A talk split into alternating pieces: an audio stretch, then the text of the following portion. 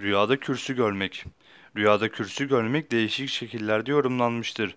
Bir kimsenin rüyada kürsü görmesi, bilgide yükselmeye ve elde edilecek şeref ve itibara, saygınlığa işaret eder demişlerdir.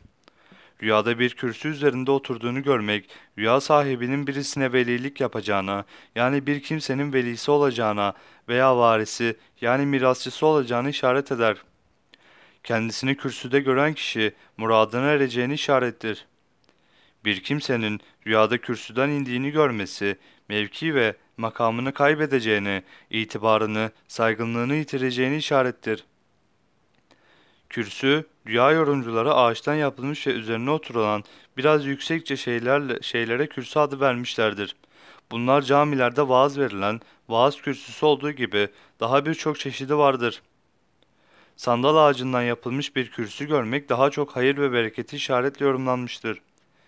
Ebu Said el-Vaiz'in yorumuna göre bir kimsenin rüyasına cami ve medresede yani ders verilen bir kürsüde oturduğunu görmesi, halka irşat etmeye, doğru yola sevk etmeye işaret olarak yorumlanır demiştir.